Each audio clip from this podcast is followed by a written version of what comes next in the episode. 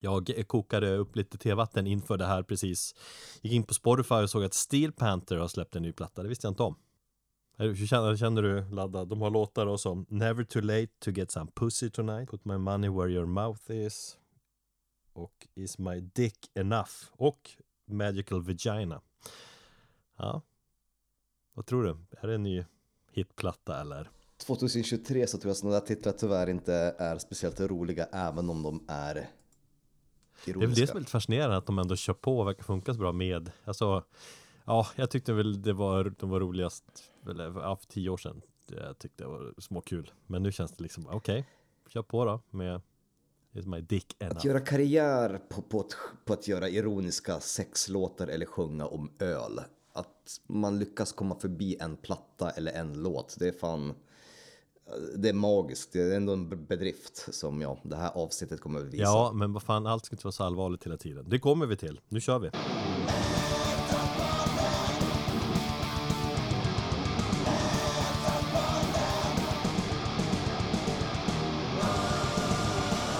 Hej och välkommen till det 165 avsnittet av Metalpodden med mig Erik och med min kollega Thomas. En podd där vi då glömmer eller där vi kan möjlighet att glömma allt runt omkring oss. Koncentrera oss på det vi brinner för, nämligen tuff musik, eller hur? Podden där vi glömmer vad vi har pratat om. Jag glömmer det, men vi, där vi kan bara koncentrera oss på, på oss själva.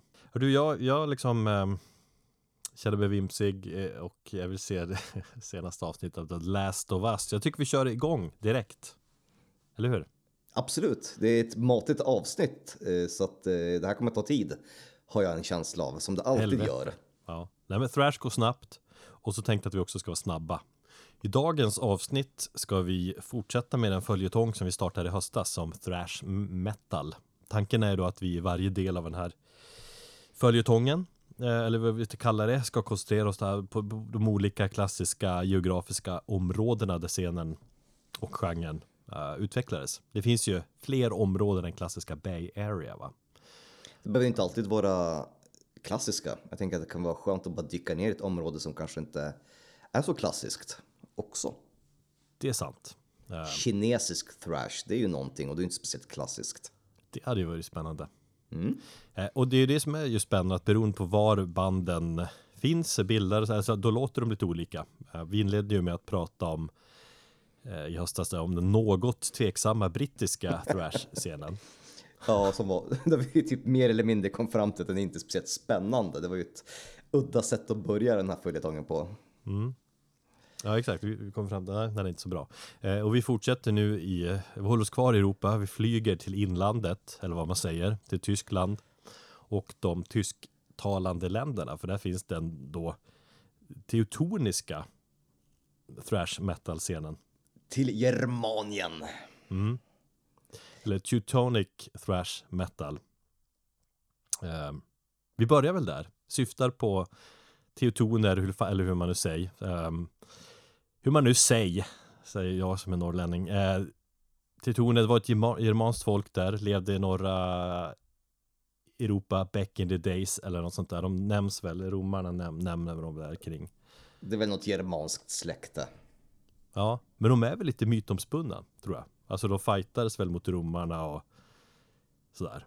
Eller kan du, kan du din historia? Dålig, dålig, dålig koll där kan jag säga på tysk eh, historia. Men annars är det väl på engelska är det väl ganska vanligt begrepp jag har förstått att man kan kalla tysktalaren för Teutonic. Eller... Jag trodde så. det bara var en, en jävligt häftig benämning på, på en, ja, en thrash-stil från ett visst område. Jag trodde inte, trodde inte det hade någon eh, historisk koppling ja, förrän det här avsnittet. Ja, ja men det har det ju. Men, ja, och, och med, med, den vetskapen då, att det finns en historisk anknytning, men att teutoner var någonting som fanns, så att säga. Är det en cool benämning då? Alltså om man kollar på andra thrash-områden så är det ju, ja men då snackar man geografiska områden, Bay Area, mm. eh, brasiliansk, liksom thrash, östkusten, australiensisk, brittisk, kinesisk eller whatever. Då är ju Teutonic lite coolare.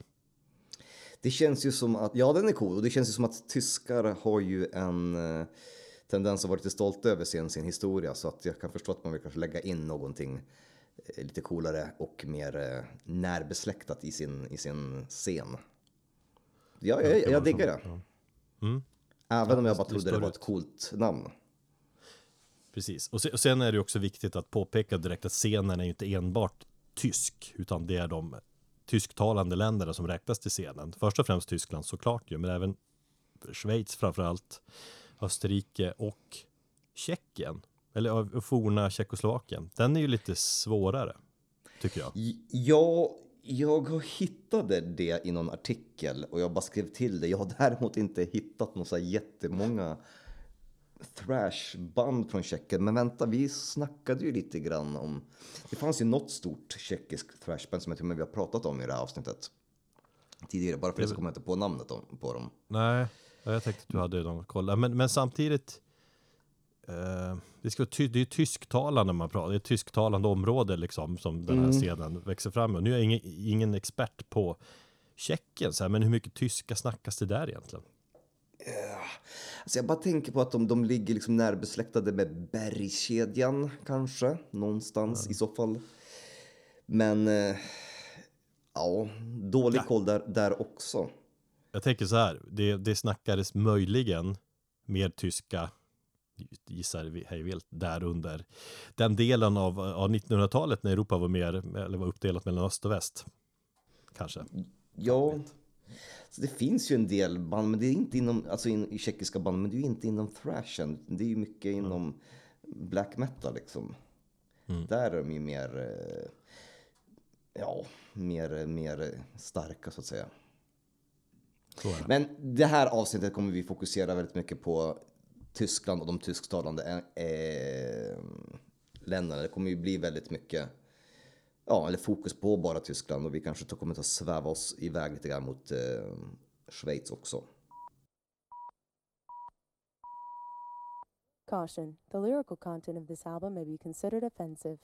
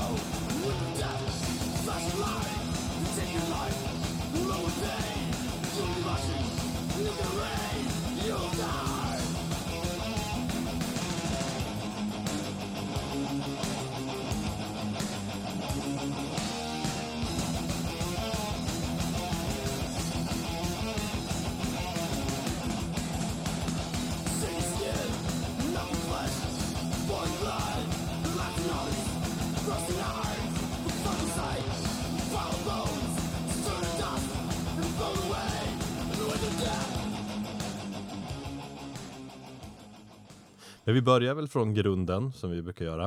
Ehm, mm. grunden till scenen börjar i Ruhrområdet. Ruhrområdet, eller Ruhrgebiet som man säger på tyska. Det är ju ett eh, storstads och eh, industriområde i västra Tyskland. Består av flera stor industristäder. Jag läser att det idag bor det cirka fem miljoner människor där, så det är ett stort område. Mm. Um, och det är ett område som exploderar under den industriella revolutionen, växte fram eh, stålindustrier, växte fram kolgruvor.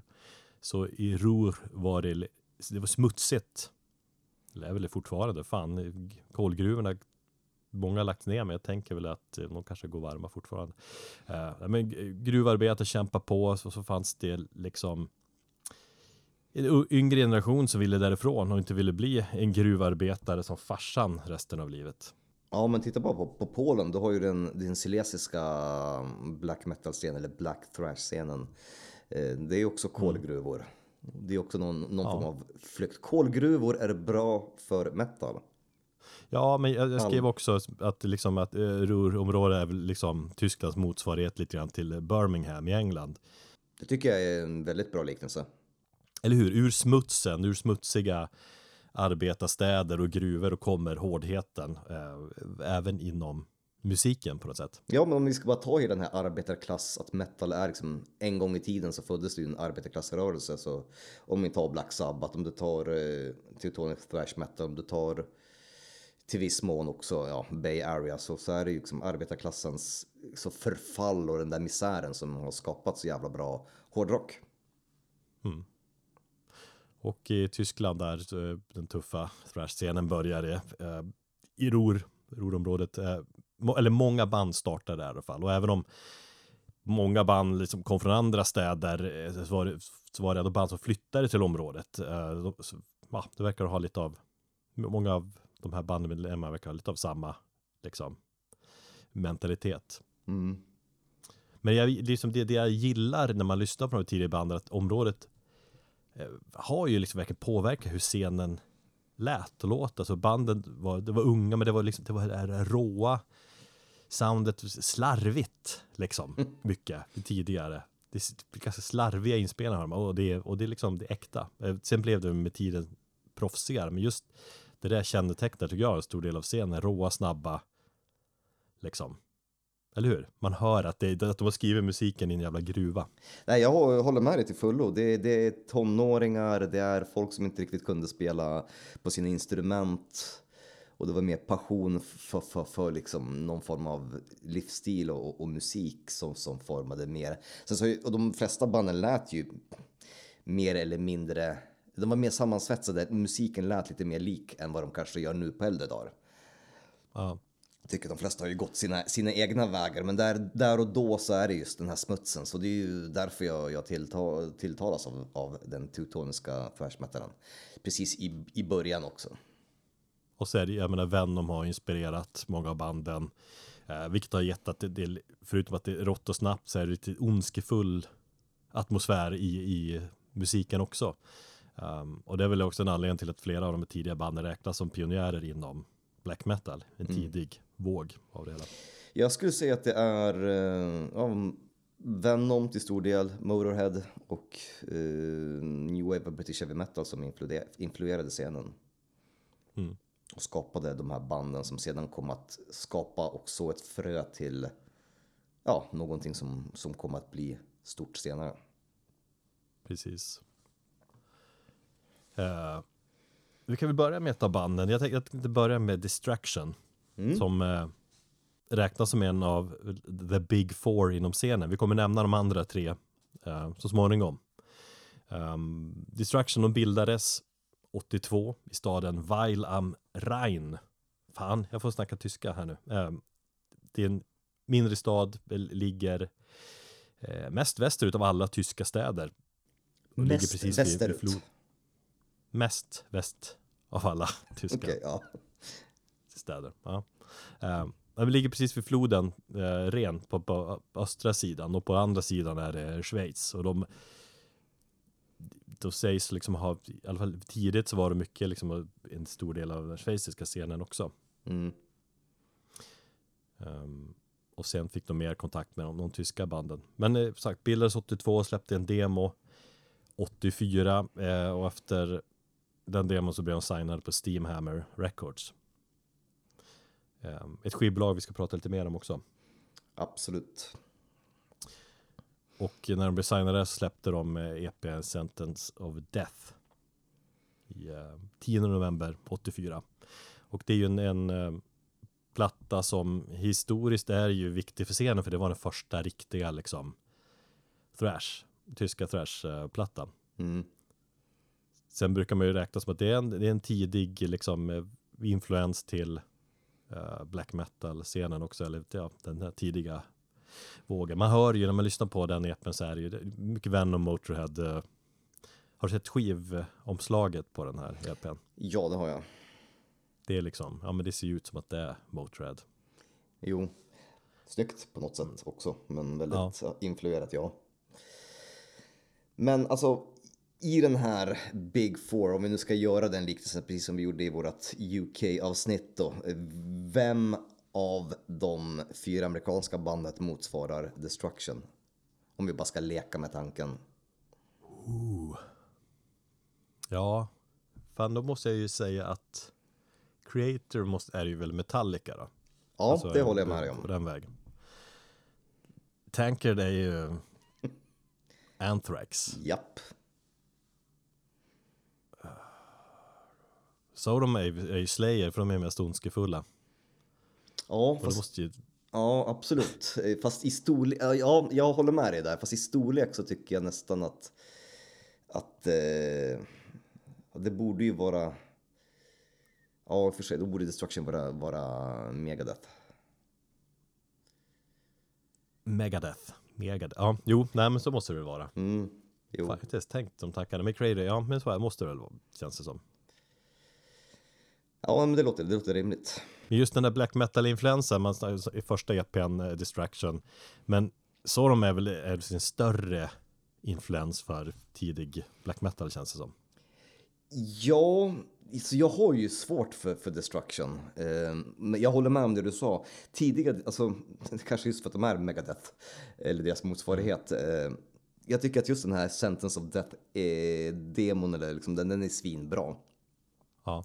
Till viss del också första plattan, till, till viss del även andra plattan, men sen så börjar det Därefter har jag egentligen ingen som helst intresse av Destruction. Ja, jag, vet, jag, jag tycker också EPn e första den är verkligen svinbra. Vi ska mm. lyssna lite grann på snart. Men sen liksom första fullängdsdebuten där tycker jag, jag ska komma 85 Infernal Overkill. Jag tycker inte alls den är lika spännande. Det känns, den känns ganska standard riffigt för mig. Det, det är inget som jag känner, wow, liksom. Och, och så är det, tycker jag också allmänt i den här genren från början. Man hör att det är väldigt unga musiker här. Det finns, det finns någon talang där, men mm. de har ju absolut inte blommat ut och det, det är lite så slarvigt mm. på ett charmigt sätt. Men när man lyssnar, det är inte så att man hör det, jag menar, att liksom jävlar vilka riff och så, man hör det, okej okay, det här är ett tidigt thrashband, ungt band som försöker så kommer det att bli bättre. Liksom. Creator och ja. Sodom med de banden som tyckte blev liksom märkbart bättre ganska snabbt. Destruction harvade på någonstans där och, och som du säger, jag, jag, tycker de första tre fullängdarna har bra idéer, men det är så här klassiskt problemet de bara vet, kör riff på riff på riff liksom. Ja, jag tycker dock tredje, eh, den här Release from Agony, den tycker jag visar liksom lite då, mer utveckling. Den är ju mera teknisk thrash. Mm. Så den är, är, är, liksom, då tycker jag att de blir intressantare. Äh, jag säger inte att de är ointressanta, men det är inte, det är inte den här wow-faktorn när man går tillbaka och lyssnar på de här tidigaste. Nej, precis. Uh, men sen, ja, det är de plattorna. Sen, och så sen kom 90-talet som man, man måste ändå nämna. Uh, sångaren Schmier, han hoppade av, uh, hade ett annat band, fan om det nu hette. Um, och det som var kvar av Distraction körde på. De släppte två EPs och så släppte de den här lite ja, lustiga plattan The Least Successful Human Cannonball. Har du hört den? Eh, jag har inte hört den men jag har hört om den. Ja. Ganska, lust det, ja. ja. ganska lustigt för den finns inte med här på Apple Music. Det är som de har hoppat över dem de plattorna från 90-talet. Jag kom fram till att de, de, de räknar inte den som en officiell distraction-platta längre. Det finns inte med på deras hemsida heller, men de har ju släppt jävla massa plattor, men ja. eh, de bara nej. De har ju Cracked Brain från 1990, det är redan där började det spåra lite grann. Ja. Och de började, men, eh, började köra ja. lite grann av de här, den var ju lite glamrocks-inspirerad. Den plattan. Ja, ja. Men The Least Successful Human Cannibal måste man lyssna på, den är ju för att den är så jävla fascinerande. Det är som en blandning av tänk dig det är riktigt sunkigt Pantera och Faith No More typ och new metal och funkig bas och det är väldigt udda. Låter ju totalt jävla bedrövligt.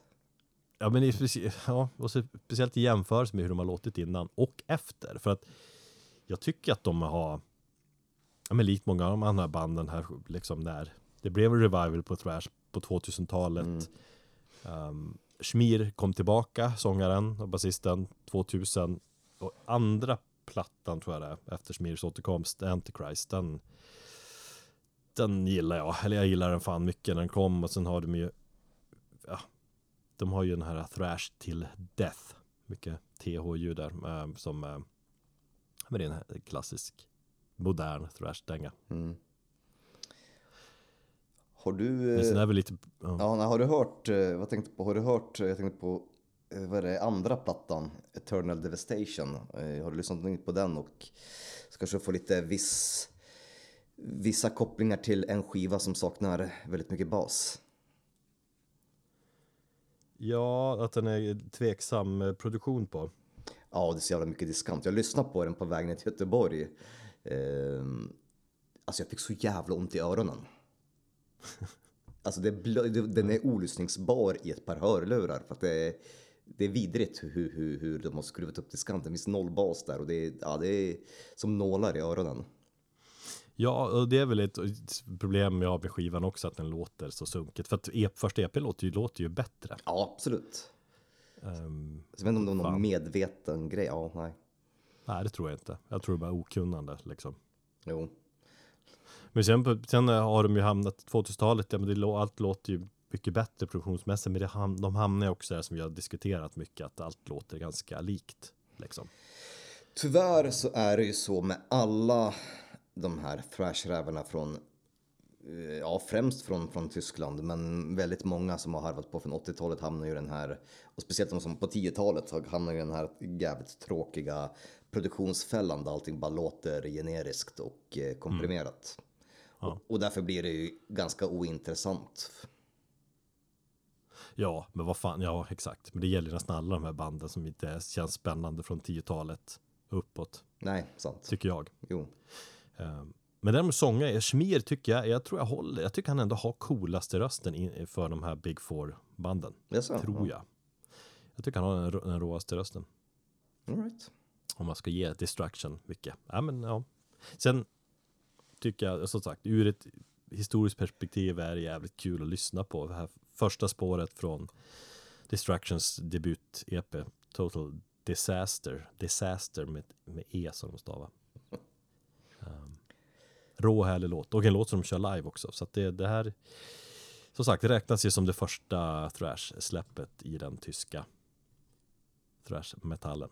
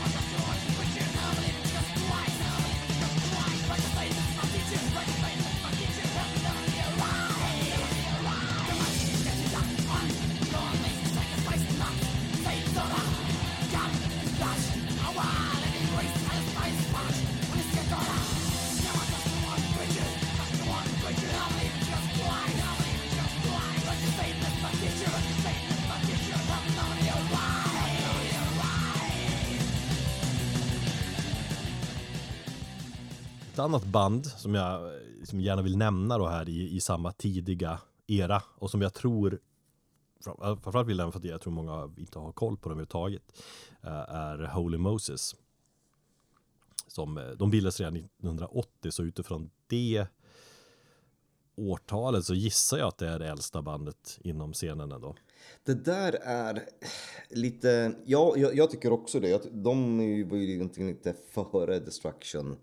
Men när man tittar så här, alla band har ju creddats för att vara först ut med någonting. Så det beror ju på lite grann hur man ja. tittar på det. Vissa band bildades tidigt men de släppte inte sin första demo förrän två, två år senare och sådär. Mm. Men ja, Holy Moses anses, anses ju vara ett av de första som lade grunden och ett jävligt udda band. Verkligen. Nej men de var ju inte alls thrash från början. Man har lyssnat lite på deras tidiga demos. De släppte många demos. Mm. Eh, och av det har jag hört så är lite mer åt det här klassiska heavy metal-stuket liksom. Jo. Och första fullängden, eh, Queen of uh, Siam, släpptes 86, så det tog ju ganska många år innan de fick skivkontrakt och fick släppa en, en platta. Mm. Och det räknas ju som en klassiker inom genren, men jag menar, om jag jämför med Distractions första fullängdare också, så tycker jag ännu mer håller Moses. Det här är liksom, det är platta som inte är, den är ingen höjdare. Det är bara det är tråkiga riff, det är allmänt tråkig platta. Vi pratar om eh, Queen of Siam nu eller? Ja, Siam. Siam, Siam, Siam, ja. Ja, jag, ja, jag tyckte det är reflekterade över att den, den låter inte som de andra fyra banden. Utan Nej. väldigt lite så här, ja men någon som här lite mer åt heavy metal, thrash metal hållet. Det var något, ja. Mm. Men det riffen är bara liksom, man gäspar när man lyssnar på, på plattan. Ja. De har liksom beståndsdelarna men de gör inget intressant av det. Däremot på uppföljaren då, Finished with the Dogs från 87. Då har de tagit enormt steg och den plattan tycker jag på riktigt är riktigt jävla bra. Okay. Så den utvecklingen de gjorde på ett år där fascinerande. Och även skivan efter det, The New Machine of Liechtenstein. Också riktigt bra. Eh, och det är väl ena jag egentligen har koll på Holy Moses. Sen, sen har jag inte hört så mycket mer. De har ju släppt jävla massa plattor. All respekt, de har kämpat på och tävlat med de andra liksom, tyska banden. Verkar gigga en hel del ändå. Stora i Tyskland kommer med en ny platta i år tror jag också. Eh, men största anledningen till att jag är svaga för dem, det är ju och att jag tycker det är ett coolt band, det är ju sångerskan Sabina Klassen. Um, hon har en väldigt Ja, med säregen rå sångstil. Hon är väl den enda originalmedlemmen kvar va? I bandet också. Tror det. Hon hade ju sin man med bandet många år. Mm. Um, som, ja, de skilde sig för några, ett antal år sedan och han är väl, jag tror han har producerat jävligt många plattor inom genren. Och hon, hon var väl ändå en udda fågel som var en liksom, tidig kvinna inom thrash metal eller extrem metal också. Ja, och jag, jag tror att sån som Angela Gosso har väl haft henne som en stor förebild mm. till exempel. Just det.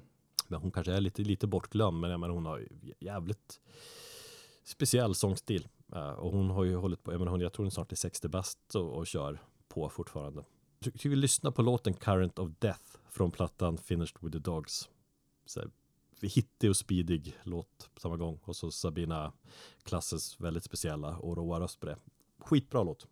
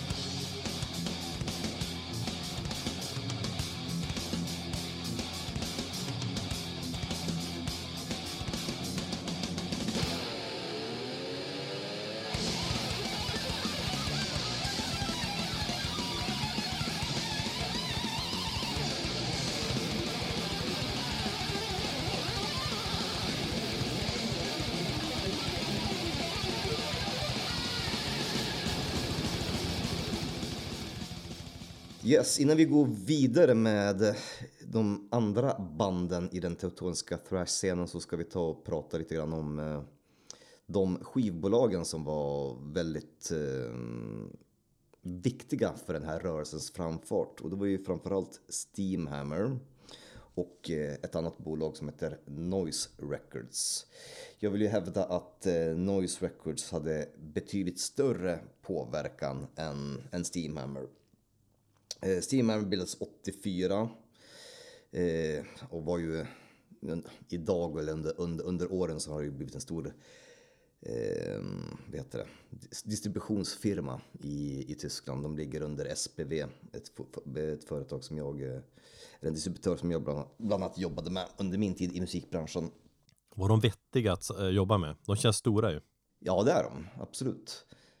Men just själva Steamhammer-etiketten då, som, som den var under 80-talet, den köptes upp av faktiskt Napalm Records 2020, så det var bara tre år sedan.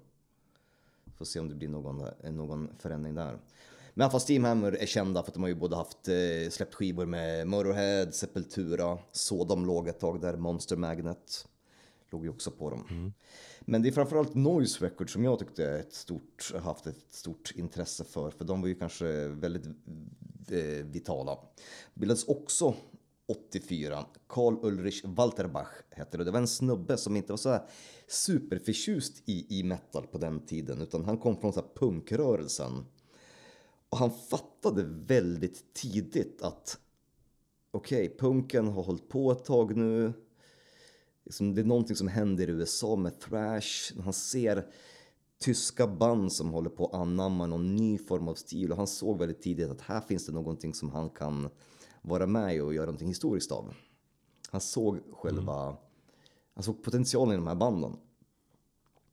Eh, så att han var ju en väldigt viktig del i att han signade väldigt många, många band precis i begynnelsen och trodde på banden andra bolag inte, inte trodde på dem i, i början av 80-talet. Han var ju bland annat den som eh, signade Hellhammer innan de blev sen eh, Celtic Frost. Jag tror han till och med har släppt skivor med, med Europe, eh, W.A.S.P.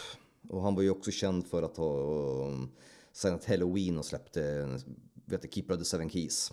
Det är ju en klassisk platta i power metal-pärla från Tyskland. Och han trodde på Creator eh, väldigt mycket och bland annat skrev på kontrakt med dem. Eller Creator var ju så jäkla unga på den tiden så att jag vet att Mille Petros har ju berättat i intervjuer att han det var hans mamma som fick skriva på kontraktet för han var bara 16 år gammal. Men den här Karl Ulrich Walterberg, han kände, jag såg i alla fall liksom potentialen i de här banden och ja, det var ju ingen annan som ville ha Creator. Eh, hans bolag Noise Records jobbade också eh, ganska tajt ihop med Megaforce Records som är kända för vadå Erik? Uh, ja, Metallica. Jajamän, där fick du in det. Ja. Mm. Eh, bolaget dog då 2007 när det blev in, uppköpt av något, om det var fan Sanctuary Records. Och sen så i sin tur så gick Sanctuary bankrupt.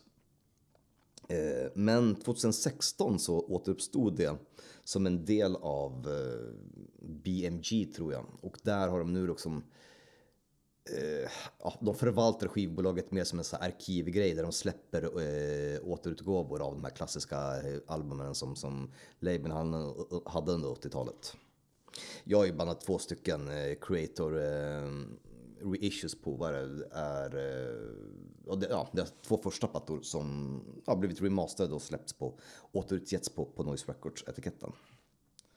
Så att det här var ju, ja, du ser hur viktigt det är med skivbolag i, i, eh, i en sån här tid. Och även kanske i TV Records någon gång i framtiden. Nej, en, inte, det går att göra den jämförelsen. Det var ju betydligt viktigare kanske där och då. Även skivbolag ser och funkar lite annorlunda idag i regel.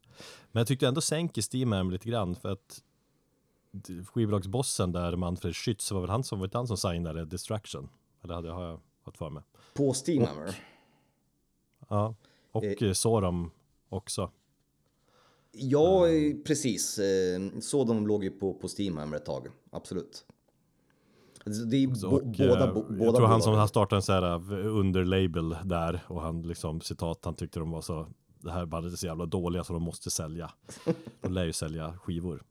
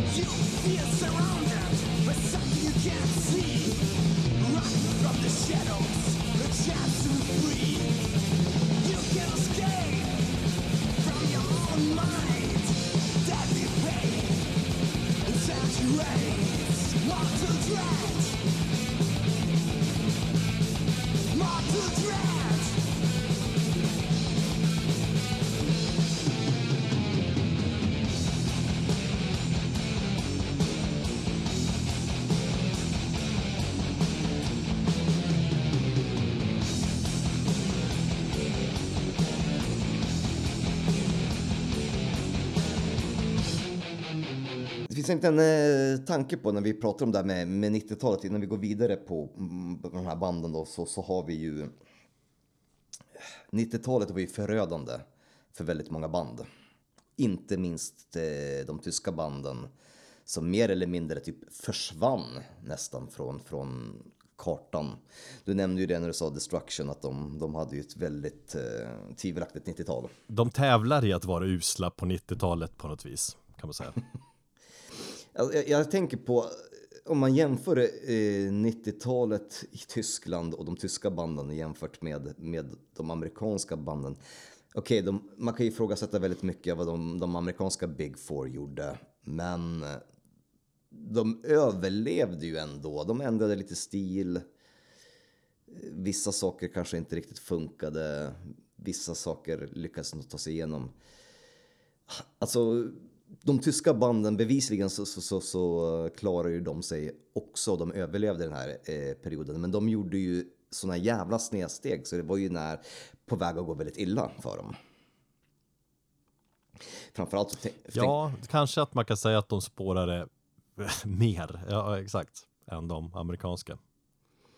Alltså grunge, grunge och nu metal var det som var populärt i USA och som på något sätt tog över så att de amerikanska banden anpassade sig ganska mycket till den stilen. Tyskarna sneglade på goth och industriell musik. Och det är väl kanske så Creator eh, klarade 90-talet, även om deras popularitet dalade enormt. Jag tror de blev, ja, de blev både droppade för den här skivbolag, de hade liksom, försäljningen var ju liksom markant skillnad i, i försäljningen under 90-talet också. Ja. Jag tycker lite förenkling där ändå, som du säger, att, alltså, för att jag tycker fan, som Distraction, jag lyssnar på deras usla 90-talet så är det ju fan nu metal och det är mycket groove metal i banden och sådär också. Så att det, det känns som att de testade, alltså det, det, var, det var spretigt. Och de testade en jävla massa liksom, ja, men all heder att man testar. nya stilar. Ja, jag fattar ju att man, men om, om man tänker också så här, i slutet av 90-talet så kom jag, gick ju alla tillbaka till sina rötter. Efter att ha experimenterat jävligt mycket. Um, så att på något sätt får man ändå ge dem liksom cred för att de försökte följa utvecklingen och, och köra på och förnya sig själva. Även om det var också, vad fan, så de, vad körde de? De körde ju suicidal tendencies eh, hardcore liksom. Eller mm. crossover. Mm. Eh, ja, Creator gick ju och körde väldigt mycket goth och industriell musik till den grad att de till och med ett tag lät väldigt mycket som, som Paradise Lost under sin eh, gotiska era. Eller? Ja, och det är lätt att bara säga att allt var skit, men samtidigt, alltså Ja, vi, vi kanske kommer komma in mer på creator också där, men, men det är ändå spännande tid. Jag, jag, jag reflekterar över det här bara nyligen, jag tror jag läste en artikel igår med eh, Greg McIntosh mm. eh, från Paradise Lost. De släpper ju en ny syntplatta här nu. Um, och hur han beskrev dagens moderna metal, att det, alltså, det, det, det, it's safer than pop music. Absolut. Uh, och det stämmer ju mycket med thrash idag och framförallt på de här uh, tyska uh, thrash, de här, the big four, att de är ganska liksom ointressanta idag, de plattorna de släpper idag. Det var ju spännande på, mer spännande på 90-talet då, kan jag tycka. Mm. Alltså, Både och. Nej men alltså jag köper det. Jag tycker det är så jäkla sällan man, man känner, hör eller får någon sån här farlig feeling från musiken idag. Som mm. man fick från, jag kan ju sätta på en gammal Creator-platta och, och jämföra den med dagens senaste Creator-släppet och känna bara nej, jag lyssnar ju hellre på plattan från, från 86 liksom. Ja, och den där Endorama uh, plattan med Creator är ju fan, ja, jag gillar den. Ja, vi, vi, vi återkommer till den. Eh, om vi ska mm. gå tillbaka till Creator och, och, och, och, vi pratade en del Creator i alla fall i, det här, i den här podden tidigare. Men bildades 82 som Metal Militia. Bytte sedan namn till Tyrant och sen så bytte de till Tormentor och sen bytte de till Creator med C innan det blev Creator med K. Eh, ses ju som det största, det är ju Metallica av de, de tyska mm, banden. Helt klart. Mm. Och det är väl det bandet som har liksom, störst framgångar, har sålt mest plattor och som än idag liksom harvar, harvar på vill jag inte säga. De spelar ju på feta utsålda spelningar och har ju liksom ljus och ljudshow deluxe.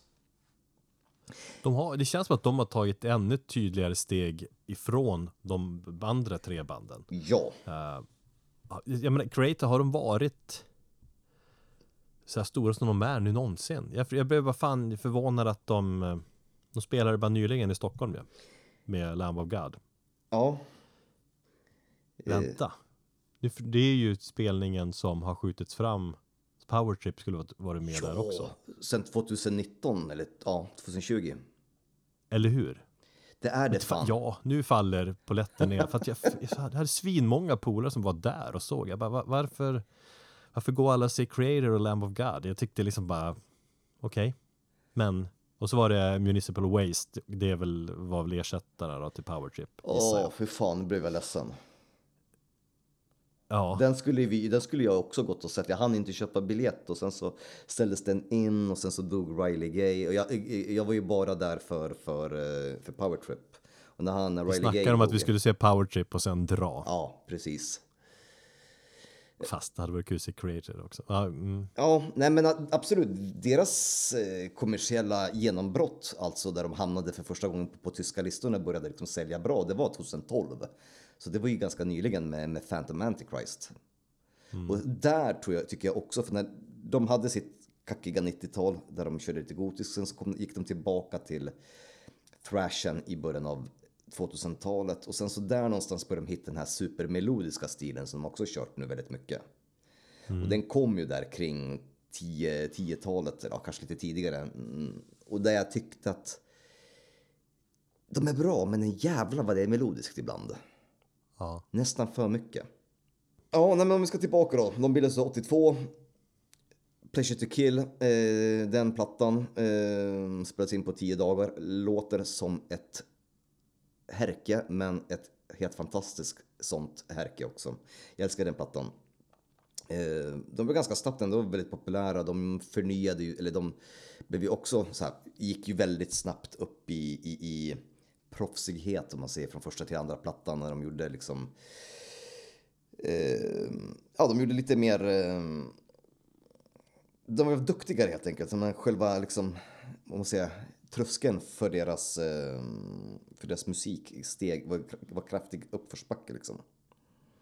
Om du förstår vad jag menar. Ja, men de fick väl mer liksom uppmärksamhet. De var, hade ju någon liksom video på, det var på Headbangers Ball. Uh, och ja, men det var väl för att de var bättre liksom. Mm.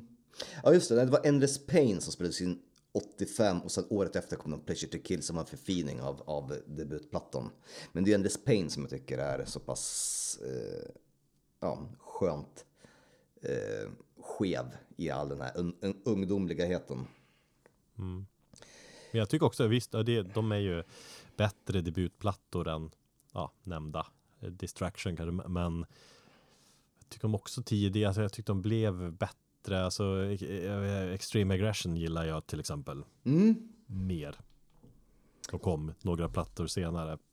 Ja, men fan, fram till egentligen Coma of Souls där, när kom den då? 92 så ses ju det mesta som Creator gjort som ganska bra och klassiska plattor och sen så kommer mm. ju det här renewal och det här hela, hela 90-tals eh, grejen mm. Som började liksom smyga in sig lite grann på Come of Souls och sen blev det lite mer och mer och till slut så, så kom vi in i den här Endorama eh, plattan då som är väldigt mycket in, ja, syntig gotisk musik som jag tycker stundtals funkar Och stundtals påminner väldigt mycket om just Paradise Lost. Jag tycker till och med i, i sången så påminner han, fast även kanske med lite tysk brytning då, om mm. Nick Holmes. Men det finns en del låtar som är så jävla cringe också på den plattan. Det är cringeigt här och där, men jag, jag fan, jag... Eh, men jag var så inne i den där stilen där och då också. Den är ju ändå väldigt tidstypisk. Jag, alltså den, det, det är sena liksom 90-tal, Megadeth äh, släppte ju två plattor där, typ Risk till exempel. Ja. Äh, lite åt det hållet är också. Så superkommersiellt alternative metal-känslan liksom. Ja. Men jag skulle säga, och nu, nu får jag skit, jag, jag, kan tänka mig att det här är liksom en platta som är ändå lägst rankad i, ja, bland de tuffa, så jag håller den här ändå jävligt högt på bland creators plattor. Alltså, vad, vad lustigt jag bara kommer att tänka på nu när du säger, alltså när banden gör en tydlig skiftning i musiken så ska de ju också benämna eh, sina album med det. Alltså då Megadeth gör, kallar en skiva för Risk för de tar en risk. Mm. Ja. Creator ska förnya sig, släpper en skiva som heter eh, Renewal. Mm. Eh, Inflame ska ta och förnya sig och eh, slå in på den amerikanska marknaden. De kallar sig, för, eh, kallar sig skiva för Root to Remain. Det är liksom jävligt talande för band som, det var bara ett sidospår. Mm. Nej, men eh, vi lyssnar på låten eh, Chosen Few från Endorama som faktiskt är en jävligt fin syntpärla och en av de låtarna som faktiskt inte är speciellt cringe. Bra melodier är det på den här plattan och här och där, ja, lite cringe är det ju.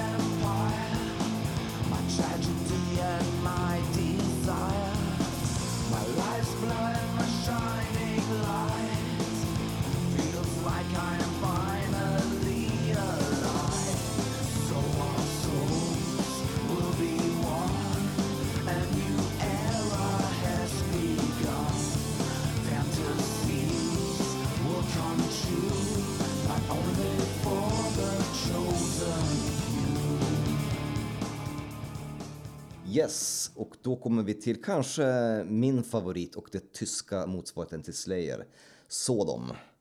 Bildat 81, så där har du också liksom eh, ja, en, en, fråga kring vilka som var först och sånt där. Men Sodom är väl mest känd för att de var pionjärerna och liksom kom att vara med och, och bilda det som blev black metal senare. Mm.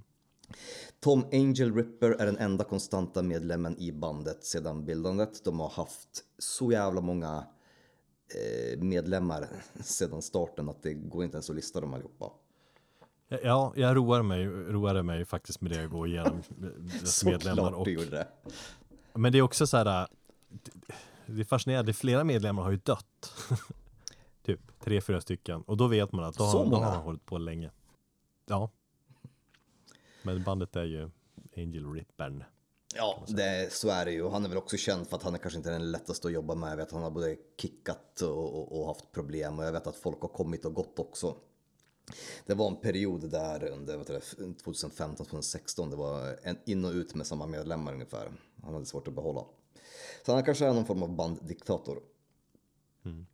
Um, för Tom Angel Ripper så var ju eh, Sodom ett sätt att komma ut ur den här beryktade kolgruvan och inte gå sin fars eh, öde till mötes. Så han bildade Sodom och ja, ville ha ett utlopp för, för, eh, för sina för sina aggressioner, för sitt liv och sitt öde. Och Sodom blev ju en väg ut för honom. I början så, så kallade, kallade de deras musik för eh, witching metal. Eh, som då var då någon form av proto-black. Det var ju inspirerat av eh, Venom såklart. Venom hade ju sin, sin grej där på, på G. Men det var ju en sån här thrash med, med, med lite blackend influenser och eh, väldigt mycket okulta texter. Mm. Um, och det är just plattan då, um, In the Sign of Evil, eller den demon eller EPn e egentligen som, som är, uh, och också en Obsessed by Cruelty som är den största influensen på många av de typ norska banden har, jag förstått. Mm. Men på den tiden så sågs de som andra gradens Venom. De var väldigt bespottade och eh, tyckte att det här var ju bara en, en blå kopia av ett betydligt bättre och eh, större band. Och med tiden då så kom de ju att ändra liksom sin stil lite grann och gick från just den här okulta texten till att handla väldigt mycket om krig och det är ju det som är det centrala med Sodom egentligen sedan typ slutet av 80-talet, början på 90-talet fram tills idag. Precis, de första åren, jag, för mig är ju liksom jag, fan, jag har ganska dålig koll på Sodom, men det är Agent, Agent Orange-plattan eh, och liksom, det är väl någonstans, är det inte där de har hittat sin, sin grej? Eller då, då kläcktes de till att vara vad de blev så att säga. Ja, Pers Persecution Mania är ju egentligen den plattan där de gick över mer till thrashen och sen så förfinade de det på Agent Orange. Men ja, någonstans där kring. Det är de plattorna. Mm de blev mer thrash-hållet. Ja, det är en bra platta. Absolut, de plattorna lyssnar jag på, på regelbundet. Um, de har släppt 17 studioalbum så att de har ju en hel del och under 90-talet där så gick de ett tag in på uh, ja, de körde den här Suicidal Tendency crossovern och försökte också experimentera. Men det är ändå något av de banden, likt Slayer om ni ska göra den kopplingen, som ändå liksom behöll sig ganska normala eller liksom lågmälda under, under 90-talet. Det var inte för mycket experimenterande. De testade lite grejer, men de var ändå relativt konsekvent, nej, konsekventa. Allmänt kan man säga alla fyra band har ju släppt så jävla många plattor. Så att det, det, ja, absolut det är mycket musik att ta sig igenom om man är sugen och har missat. Eh, det var ju faktiskt eh, Agent Orange som var deras eh, stora kommersiella genombrott. Så att när de hittade sin fräsch där. Men det var ju även på, på, på Persecution Mania som de hade sin maskot Knarren Heinz för första gången och han har ju följt med ända sedan dess egentligen. Det är ju mycket man tänker på Sodom också. Det, loggan är ju klassiker och så den här gasmask-maskoten ja. som är med på i princip alla, alla skivomslag. Kanske den snyggaste maskoten. Fan, vi borde göra ett avsnitt om, om snyggast bäst maskot. Det borde fan göra. Så har jävligt mycket. Eddie. Ja. Eddie är ju klassisk, men, men ja, fan jag tror... Ja, jag får kolla. Eh, då kan vi ha med Five Finger Death Punch längst ner på listan. Mm. Deras maskot är ju asful. ja, ja men det, det, det, är en kul idé. Den gör vi. Eh, jag har också läst att Agent Orange är en platta, thrashplatta som har sålt mest av alla eh, tyska thrash metal-plattor. Stämmer bra då. Jag tänkte precis faktiskt komma till det. Och det förvånar mig lite grann med tanke på att Creator ändå anses större. De har väl sålt mer totalt? Ja, e, e, exakt. Den, eh, Agent Orange är det mest sålda. Creator är bandet som har sålt mest. Mm. Så att det stämmer. Eh, ja, under 90-talet då så, så försvann ju Sodom också lite grann, men de höll sig lite grann i, i, i periferin. Eh, bandet lades ner där en, en, stund och Angel Ripper gjorde eh, solokarriär där han liksom försörjde sig på att göra metal covers på schlagerlåtar och jullåtar och turnera på det. Och det verkade funka ett tag för honom innan han återvände till bandet, eller när han startade upp bandet. Det var även lite mer groove metal och eh, ja, Pantera-liknande influenser ett tag där. Innan de sen testade på, tror jag, den låten som vi ska lyssna på, det, där har vi lite mer dödsmetall. Så de gick lite mer åt, försökte komma tillbaka till, till det här de gjorde på, på i början av, eh, när de bildades. Men det funkar inte riktigt bra, då gick de tillbaka till thrash igen. Och jag läste en, eh, vet du, en eh, intervju med Angel Ripper nyligen där han säger att han är inte så här superförtjust. Vi kommer komma till det här angående the big four of Teutonic Thrash, men det ska bli någon turné med, det, med, med de fyra. Mm. Och han säger ju själv att han är, han är lite mer sugen på att eh, så de ett band som inte är menat för arenor utan han gillar de här sunkiga um, klubbspelningarna. Det är hans grej och vill att så de ska hålla sig där. För det är där äh, så de det säger, säger, säger, han ju såklart bara för om de kanske inte säljer slut. Men, men vad fan, det, det är väl, eh, om vi ska prata om det där då, liksom, för det, det, har ju snackats ibland om en turné med de här fyra största. Men innan, vi, in, innan vi snackar om det, ja. så ska vi lyssna på Sodom.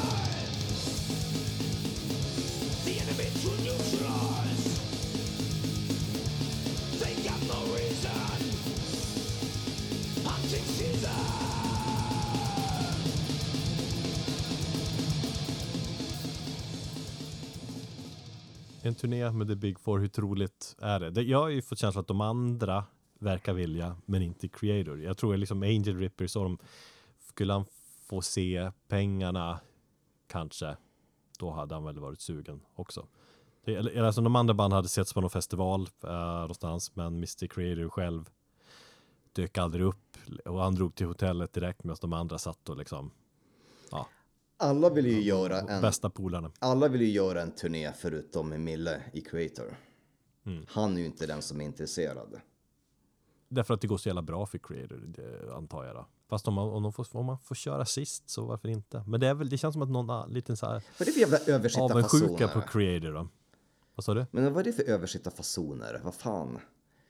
Se tillbaka ja. till, till, till scenen du kom ifrån bara för att det går för bra. Ja, de säger ju, de säger ju alla att Mille verkar gå lite annan väg, han hänger inte riktigt med dem. Men det har väl kanske inte att göra så mycket med, med, med det att han bor inte kvar i stan. Det gör ju Sodom och det gör ju fan Destruction-killarna. De hänger ju i lokala puben liksom.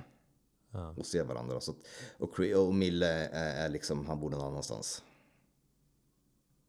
Det lär ju hända, men ändå, det hoppas vi.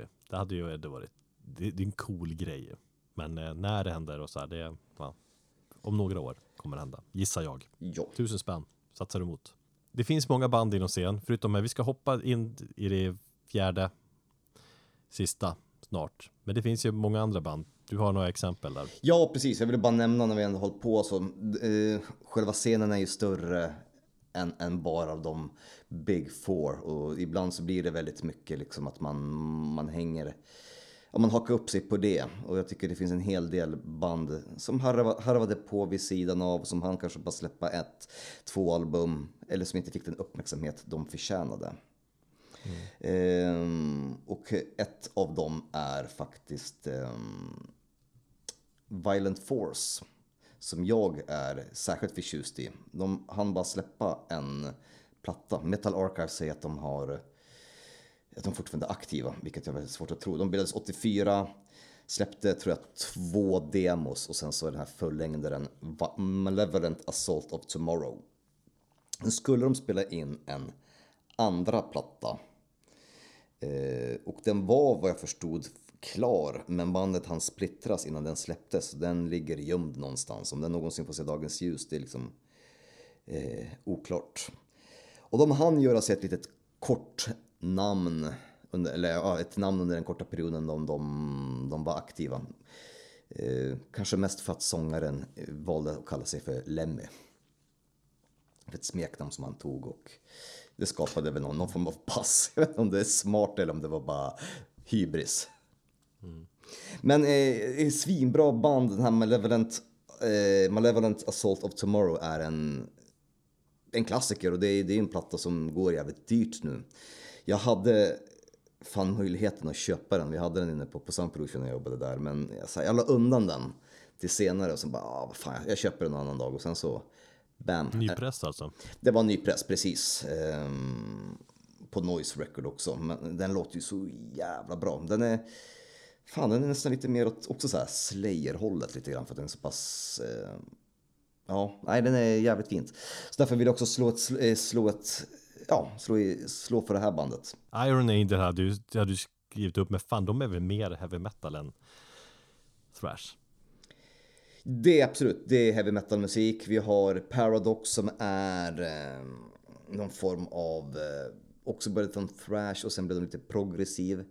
Angel Dust är också en form av thrash som blev progressivt. Båda de banden är ganska bedrövliga. Jag tror de fortfarande har släppt plattor under i alla fall 10-talet. Eh, vi har ett band som heter Assassin, ett tyskt thrashband också som bildades och var ganska kortlivat. Faktiskt eh, rätt bra. Eh, det finns, det finns. Vi har Exhumer eh, som var väldigt likt Slayer. De kopierade väldigt mycket Slayer rakt av. Till och med liksom, mm. sångaren blev, var inspirerad av, av själva av Tom Araya. Så det finns en hel del band som, som verkade i kölvattnet av de stora som alla var inte bra. Alla hade inte långlivad karriär men vissa släppte i alla fall eh, en platta som blev på något sätt klassisk och gjorde ett avtryck.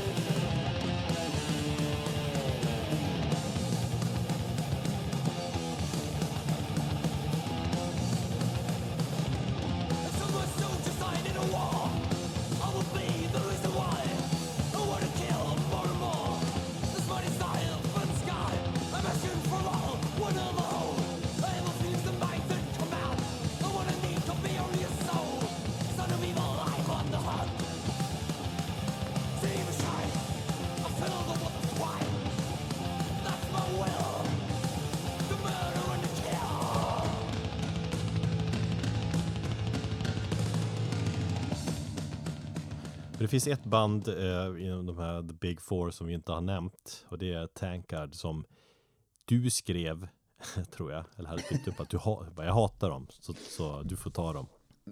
Vet, är det så? Är det hat du känner? Nej, jag har... Jag har hört dem någon gång länge sedan. Jag minns fan inte hur de låter idag.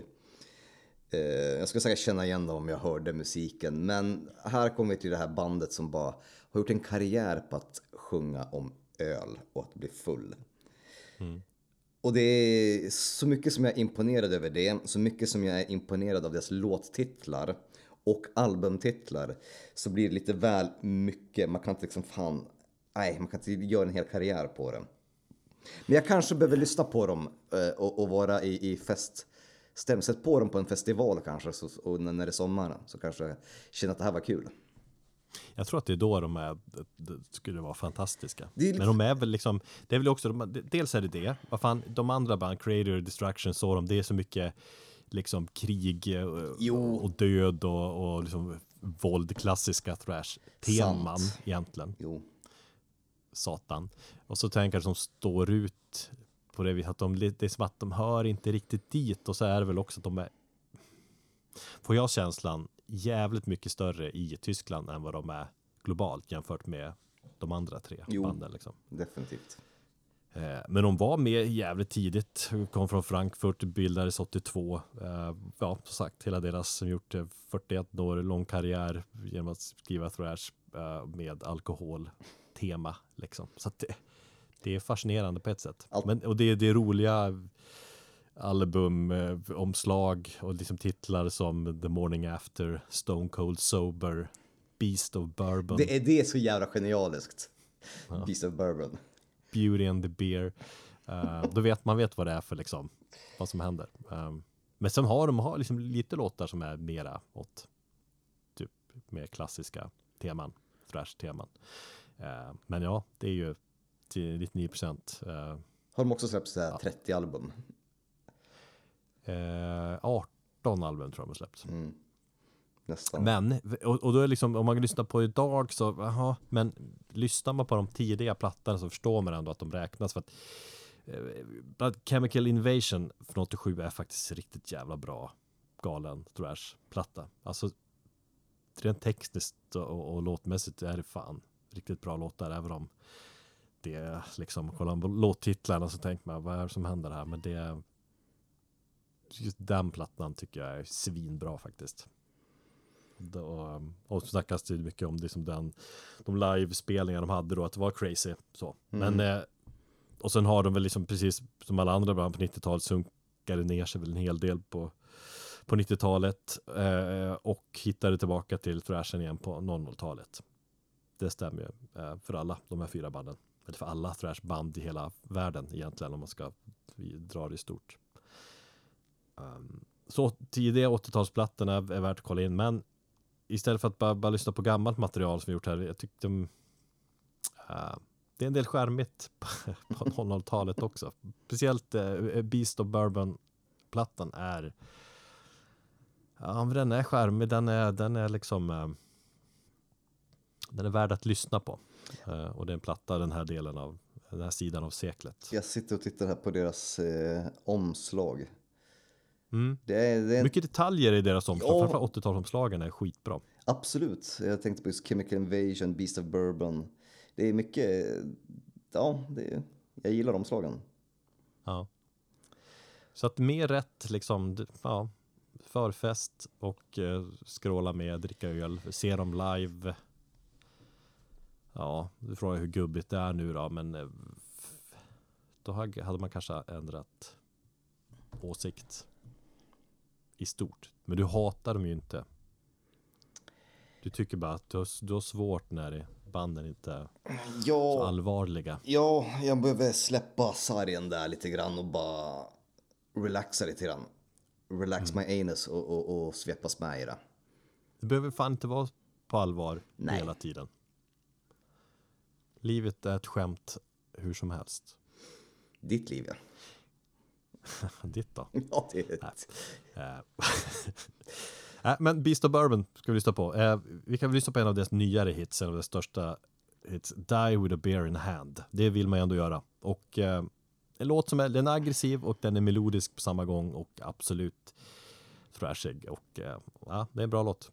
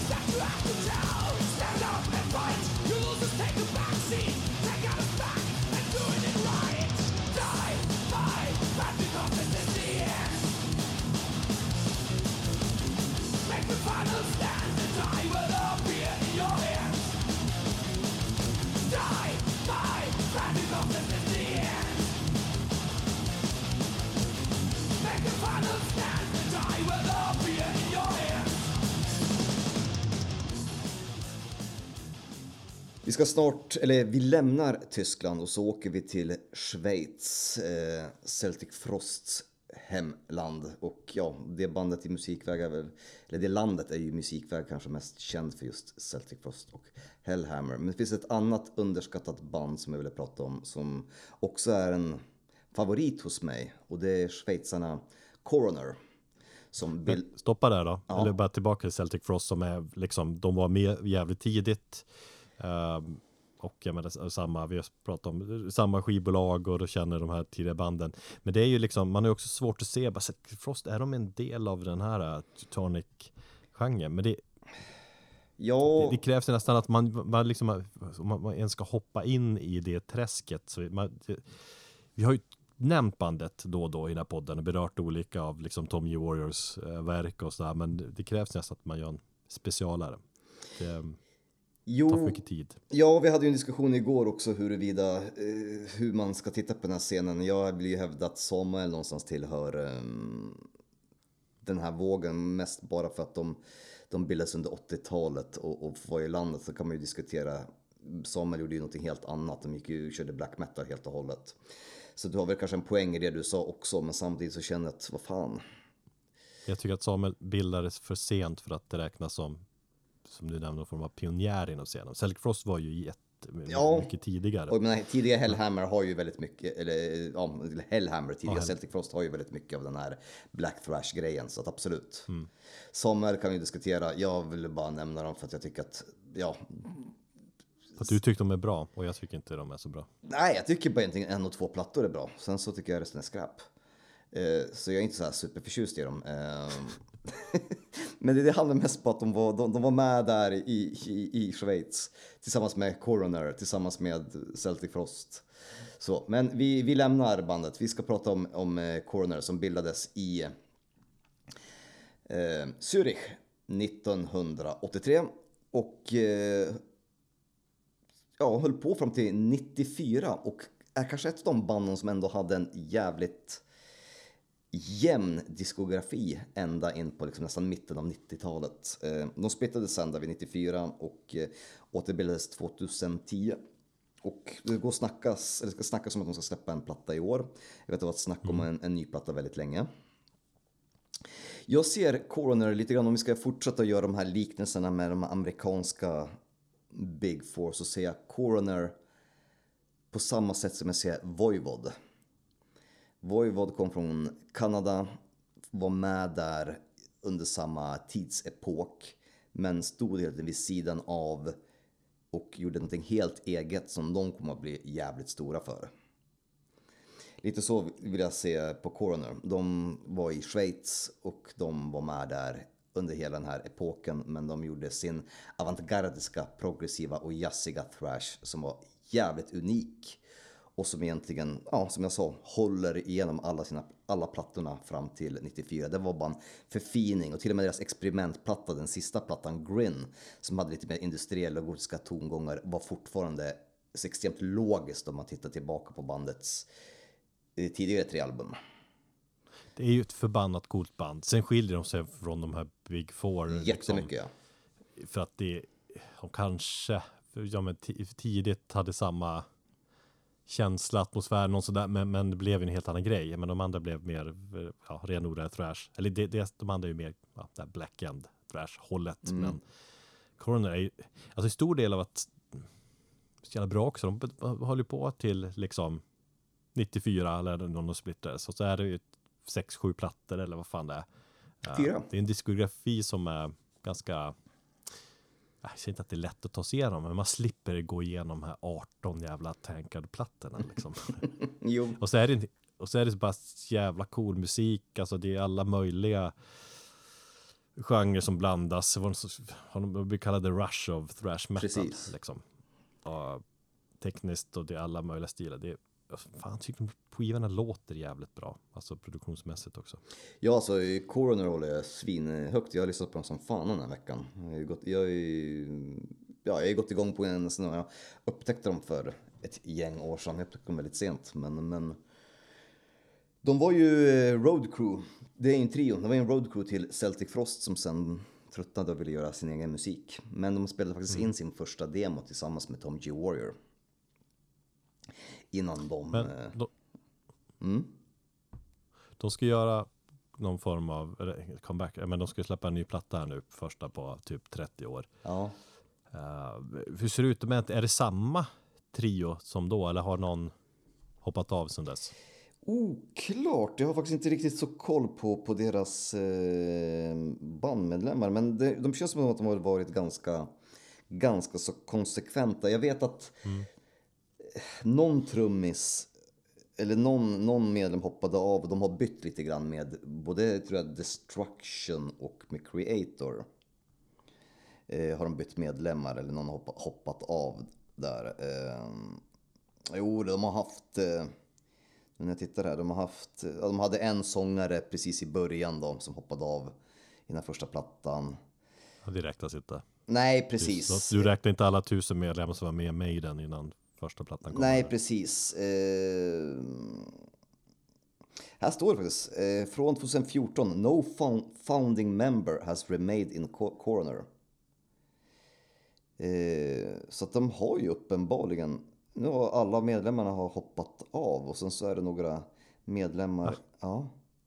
As of 2014, no founding member has remained in coroner since founding drummer Marquise Markey abandoned the band that year after a 31 year duty. Bassist, vocalist Ron Royce and eh, guitarist Tommy T. Barron have been the only continual members of Corner since 1985. Ja, men ja, det är de där eh, begynnelseåren. Det... Jag hängde inte med där, men eh, de, det är typ samma det, ja, nej, men okej. Okay. ingen av deras ursprungs som bildade bandet är med i, i bandet idag. Men de bildades... Nej, men om man kollar på de här sex plattorna som de har släppt. De bildades, uh. de bildades 83 och 85 så, så de, de medlemmarna som är, är med i bandet nu, de kom in i bandet 85. Så det var ju den här tvåårs början av perioden liksom. Så att ja, man kan säga att det, fan, det är till samma jävla band. Ja. Det är alltid så i början att man, man bandmedlemmar hoppar in och ut liksom innan man får sin, sin, sin setting som sen på något sätt cementeras.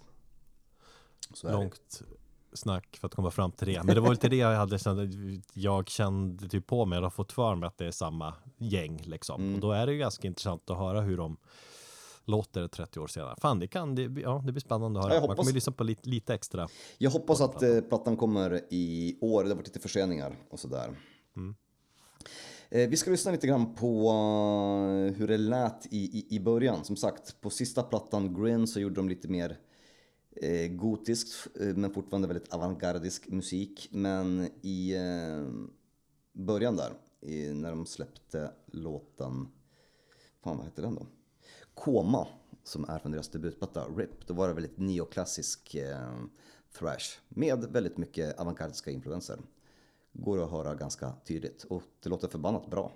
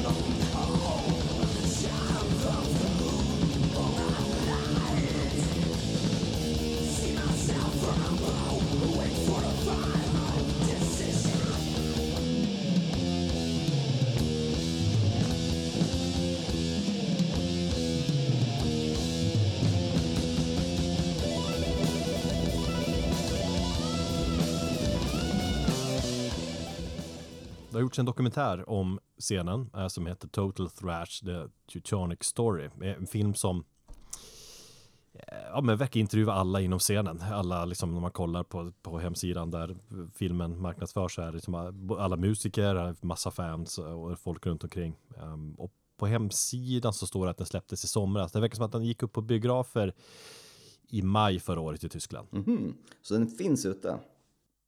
Uh, Ja, alltså jag kikade häromdagen, då stod det att, och jag kanske var trött förvirrad, men då stod det typ att filmen kommer kunna köpas snart. Om jag minns rätt, eller så klickade jag på fel ställe, för det är halva sidan på tyska och halva på engelska typ. Och, och sen försökte jag få det bekräftat här nu innan så ser jag att man kan beställa en DVD ändå. Det är oklart om det bara, bara den är på tyska. Äh, det måste ju komma med en textad version, hoppas jag, tänker jag. Eh, vi får skaffa den. Men den, ja, lite svår att få tag på, eller verkar det ha varit. Eller så är det bara att den går upp på biograferna, sen kommer den något halvår, år senare. Men det ser ut att det var jävligt genomgående dokumentär i alla fall, och någonting som vi hade gärna sett innan vi gjort det här också, mm. men vi får försöka se den framöver. Um, jag har ju också lagt lite tid att försöka hitta ny, lite nyare band inom, inom scenen, för det är ju liksom de, det är de här fyra som, ja men liksom skuggar över Ja, vi, vi, liksom många andra band. Ja, vi eh, sa ju, eller vi frågade varandra, finns det några band som, som har tagit efter manteln på, och, och, och, moderna band? Och jag har fan sökt, men jag har inte hittat många band som skulle kunna mäta sig eller som ens är intressanta eller ens kan tänkas att nämnas i samma andetag som de tyska fyra stora. Nej, men så blir det ju inom, inom så här liksom geografisk delat, speciellt när de har gjort det så mycket med the big four inom varje, så att det blir det överskuggas liksom. Men faktum är ju, det här är ju liksom lite emot vad vi gör. Alltså, de här banden vi pratar om, det är ju, det är ju, det är gamla gubbar. Mm. Det är liksom 50-plussare. Någon närmar sig 60 kanske och sådär. Uh, vi gillar ju liksom mycket yngre förmågor också. Och de här banden, de här Big Four är ju, har inte egentligen varit intressanta senaste liksom, ja när fan var de intressanta? Men det var det länge sedan. Det, det är ju någonting som är allmänt är, är, går igenom alla banden. De är ju inte några av dem speciellt intressanta idag. De är bra, de harvar på, men musiken, man lyssnar på den en gång och sen går man vidare. Mm. Ja, men Creator släppte ju platta förra året, den här Yb Hate, hate, hate Iberales. Iberales. Mm. Mm. Den lyssnade man igenom en gång, så bara, ja, okej. Okay. Ja. Men inte så, så har jag känt med, med de flesta Creator-plattor på, på 10-talet. Mm. Det finns yngre förmågor. Jag har inte hunnit lägga så mycket tid eh, som jag hade tänkt på det. Men jag, jag vill plocka fram två band i alla fall. Det ena är Tempest. Kanske döpt efter Joey Tempest, hoppas jag inte. eh, ett band som har funnits i tio år, eh, som släppte sin andra fullängder Point of No Return här förra året. Och jävligt bra platta. Jag gick igång på den eh, mycket. Jag tror att dels är det ju mycket Teutonic eh, i platta, men också andra influenser. Man har ju mycket Bay Area. Det finns ett band därifrån som heter Metallica som har, eller Tempest har hämtat en del ifrån. Kanske därför jag gick igång på det. Men platta som jag, eh, ja, man gillar det. Som jag kört igenom några gånger. Mm. Då kan jag rekommendera. Eh, ett annat band som jag kan rekommendera är Trader som är eh, är anledningen att jag fick nys om den här dokumentären Total Thrash. För de har bidragit med den låten som heter ju så. Eh, som dokumentären är döpt efter. En ganska standard men bra thrash-dänga som gästas av ingen mindre än Tom Angel Ripper från Sodom. Okej. Okay. Uh, och den låten ligger på plattan Exile to the Surface som uh, också släpptes förra året. Men väldigt ja, Teutonic ska jag säga. Jag fick känslan av att Traitor var typ ett fiktivt band som hade bildats för att skapa någon soundtrack till den här filmen. Men det är alltså det är ett vanligt band. Det är ett riktigt band. Okay. Det är mycket creator. Alltså det, ja, det, det, det lånar ju friskt från de fyra stora, eller lånar, men man hör influenserna. Men det är, det är liksom jävligt vass produktion, jävligt välproducerat ska jag säga. Mm. Um, jag körde på Ivan, jag skjutsade brorsan till flygplatsen och så eh, ja, lyssnade på den, satt kvar på flygplatsen och halvt headbangade så det klev ett gäng muslimska män liksom, eller gissa att det var muslimska då. Nej men i ovanliga kläder och tittade liksom på mig, jag såg inte det först. Så det blev lite av en kulturkrock på något vis. Jag tänkte inte vad total thrash är. Uh, nej men det, det är old school thrash men, men uh, liksom modernare prod. Så. Fast det låter ju liksom som ja, hur vi har beskrivit de här banden, hur de låter då. Skitsamma, men Traitor och uh, Tempest. Två band jag upptäckte i alla fall, som jag har gått igång på. Härligt, då får du stå för den föryngrande delen i den här podden. Jag sket direkt i det jag inte fick belägg för. Jag gick in på Google som bara Modern Teutonic Thrash Metal Bands. Så fick jag inte upp någonting och då bara, nej okej okay, det finns inget, jag skiter i det här. Du, ja. du har åtminstone letat lite grann. Tyskland är ju ett jävligt stort land så att det, det hade ju liksom, eh, det hade varit kul att snacka med en tysk som är väldigt insatt och som älskar scenen. Han skulle nog kunna lista en jävla massa intressanta band. Ja, ja absolut. Tysk bajsborr är också jävligt intressant. Det tycker jag inte, men uh, fine. Uh, ja, that's it. Vi, vi ger oss där. Med det så säger vi hej då. Tack och godnatt och uh, ja, tack för att ni lyssnar. Sköt om er.